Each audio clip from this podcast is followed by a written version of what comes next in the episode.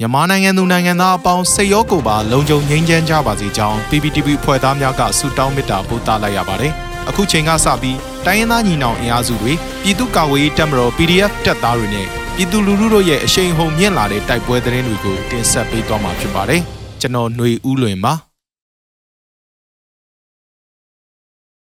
အခုပထမဆုံးအနေနဲ့ ထန်တလန်အတွက်လက်တုံပြန်တဲ့အနေနဲ့စစ်ကောင်စီတပ်ကိုမင်းတပ် CDF ဝင်တိုက်လို့စစ်ကောင်စီတပ်သား3ဦးသေဆုံးပြီး10ဦးဒဏ်ရာရတဲ့သတင်းကိုတင်ဆက်ပေးသွားမှာပါ။ချင်းပြည်နယ်ထန်တလန်မြို့ကိုစစ်ကောင်စီကမိရှို့ဖျက်ဆီးခဲ့မှုအတွက်လက်တုံပြန်တဲ့အနေနဲ့စစ်ကောင်စီတပ်ကိုအော်တိုဘာလ31ရက်နေ့မှာမင်းတပ် CDF ကဝင်ရောက်တိုက်ခိုက်ခဲ့ပြီးစစ်ကောင်စီဘက်ကတပ်သား3ဦးသေဆုံးက10ဦးဒဏ်ရာရရှိသွားကြောင်းမင်းတပ် CDF ခေါင်းဆောင်တူဖြစ်တဲ့ကိုရောမန်ကပြောပါရယ်။ အော်တိုဘာ31ရက်နေ့ကမင်းတပ်မြို့ပေါ်စီချက်လမ်းစုံအနီးမှာကင်းလှည့်လာတဲ့စကားစတပ်တွေကို CDF မင်းတပ်ကခြုံခိုတိုက်ခတ်ခဲ့ကြောင်းတိုက်ပွဲချိန်နိုင်ယူဘက်ခန့်ကြာမြင့်ခဲ့ပြီး CDF မင်းတပ်မှအနှဲငယ်ဒဏ်ရာရရှိသူတူဦးရှိကစစ်ကောင်စီဘက်မှ3ဦးကြဆုံးပြီး10ဦးခန့်ဒဏ်ရာရသွားခဲ့ကြောင်းရင်းတိုက်ပွဲဟာအကြမ်းဖက်စစ်ကောင်စီတပ်ကထန်တလန်မြို့ရှိလူနေအိမ်များနဲ့ဘာသာရေးအဆောက်အဦများကိုမိရှို့ရန်ကားခဲ့တဲ့အတွက် CDF မင်းတပ်ကလက်တုံ့ပြန်ခဲ့ခြင်းဖြစ်တယ်လို့၎င်းကဆိုပါတယ်။ ချင်းပြည်နယ်အတွင်းမှာရှိတဲ့အပြစ်မဲ့ပြည်သူများရဲ့အသက်အိုးအိမ်စီးစိမ်များကိုလူသားအကြမ်းဖက်စစ်ကောင်စီကလူမဆန်ဆောင်မီးရှို့ဖျက်ဆီးခြင်းများကိုမိမိတို့ Chinland Joint Defense Committee CJDC ကလုံးဝကန့်ကွက်ရှုတ်ချပြီးဆုံးရှုံးနေတဲ့ပြည်သူလူထုများနဲ့အတူထပ်တူထပ်မြဝန်းနေကြောင်းလူသားအကြမ်းဖက်စစ်ကောင်စီရဲ့လုပ်ရများဟာဂျနီဗာကွန်ဗင်းရှင်းအလိုက်နာမှုမရှိတဲ့အပြင်ဆေးရဆွဲမှုကိုပါချိုးဖောက်ခြင်းလုပ်ရများဖြစ်သောကြောင့် CJDC အနေနဲ့ လူသက်အကြမ်းဖက်စစ်ကောင်စီရဲ့အာဏာရှင်စနစ်ကိုပြည်သူလူထုများနဲ့အတူအမြင့်ပြတ်တိုက်ခိုက်ချေမှုန်းသွားမည်ဖြစ်ကြောင်းချင်းပြည်နယ်ရှိ CDF မဟာမိတ်အင်အားစုများကအောက်တိုဘာလ31ရက်နေ့မှာထုတ်ပြန်သတိပေးထားပါတယ်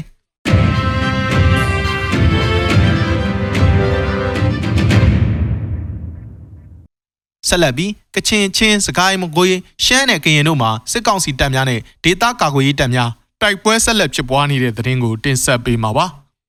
ကချင်ပြည်နယ်ချင်းပြည်နယ်စကိုင်းတိုင်းမကွေးတိုင်းရှမ်းပြည်နယ်နဲ့ကရင်ပြည်နယ်တို့မှာအင်အားဖြည့်တင်းနေတဲ့စစ်ကောင်စီရင်နှန်းများနဲ့ထိုးစစ်ဆင်တဲ့စစ်ကောင်စီစစ်ကြောင်းများကိုမိုင်းဆွဲတိုက်ခိုက်မှုများဆက်လက်မြင့်မားနေပြီးဒေသကာကွယ်ရေးတပ်များနဲ့စစ်ကောင်စီတပ်များအကြားတိုက်ပွဲများဆက်လက်ဖြစ်ပွားလျက်ရှိကြောင်းသိရပါတယ်။ ကချင်ပြည်နယ်တနိုင်းဒေသ KIA တပ်မှနှင့်အမှတ်43တရင်နယ်မြေဖြစ်တဲ့ဂျမ်ဘူဘွမ်မှာအော်တိုဘာ31ရက်နေ့မနက်8:15မိနစ်မှာအကြမ်းဖက်စစ်ကောင်စီတပ်ဖွဲ့များနဲ့ KIA တို့တိုက်ပွဲဖြစ်ပွားခဲ့ပြီးအကြမ်းဖက်စစ်ကောင်စီတပ်ဖွဲ့ခလာရ269ခွန်တပ်ဖွဲ့များကစစ်အုံဆောင်ပစ္စည်းများတက်ဆောင်ပြီးစစ်ရေးလှုပ်ရှားလာချိန်မှာအော်တိုဘာ31ရက်နေ့က KIA တပ်ဖွဲ့များကခုခံတိုက်ခတ်ခဲ့ကြောင်းကိုခိုင်ဒေသ KIA တပ်မဟာလီအမှတ်39တရင်နယ်မြေဖြစ်တဲ့ ဟောင်ဝမ်ကျေးရွာရှုခင်းသာလမ်းမကြီးတိုင်းတက်လာတဲ့အကြမ်းဖက်စစ်ကောင်စီတပ်ဖွဲ့များကိုလည်းအော်တိုဘာလ22ရက်နေ့မနက်2နာရီအချိန်မှာ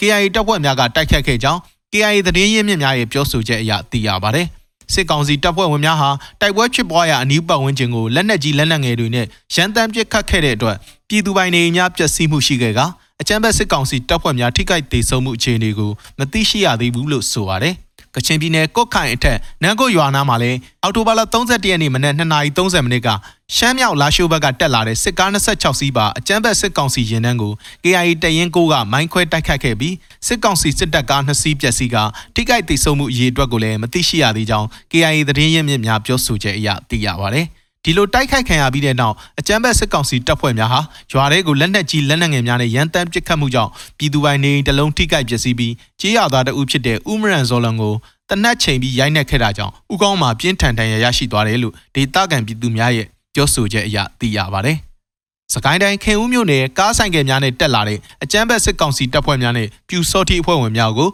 အော်တိုဘာလ31ရက်နေ့မှာမြင်းတောင်ကျေးရွာအနီးခင်ဦးမြို့နယ်ပြည်သူ့ကာကွယ်ရေးတပ်ဖွဲ့နဲ့ဒေသခံပြည်သူ့ကာကွယ်ရေးပူးပေါင်းအဖွဲ့များကဗရေသာမိုင်းဆွဲတိုက်ခတ်ခဲ့ခြင်းကြောင့်ဆိုင်ကယ်တစ်စီးနဲ့ကားတစ်စီးထိခိုက်ပျက်စီးခဲ့ပြီးဘိုးပါဝင်စစ်ကောင်စီတပ်ဖွဲ့ဝင်နဲ့ပြူစောတိ6ဦးသေဆုံးခဲ့တယ်လို့သိရပါတယ်။မကွေးတိုင်းပခုတ်ကူခရိုင်ရေစကြိုမြို့မှာရှိတဲ့ကျေးလက်ဦးစီးရုံးကို အော်တိုဘာလ31ရက်နေ့မနက်ပိုင်းက People Defense Force ရေစကြိုအဖွဲ့ကဘုံခွဲတိုက်ခိုက်ခဲ့ပြီးဒီလိုတိုက်ခိုက်ခဲ့ခြင်းဟာစစ်ကောင်စီကိုတစ္ဆာခံကရုံးတက်နေခြင်းကိုတတိပေးတိုက်ခိုက်ခဲ့ခြင်းဖြစ်ပြီးတေဆုံးမှုအခြေအနေကိုတော့မသိရှိရသေးဘူးလို့ People Defense Force ရေစကြိုအဖွဲ့ထံမှသိရပါဗျ။မကွေးတိုင်းမြိုင်မြို့နယ်မှာလည်းအကြမ်းဖက်စစ်ကောင်စီတပ်ဖွဲ့ဝင်များတပ်ဆွဲထားတဲ့မြိုင်ဆက်မှုနှစ်ကို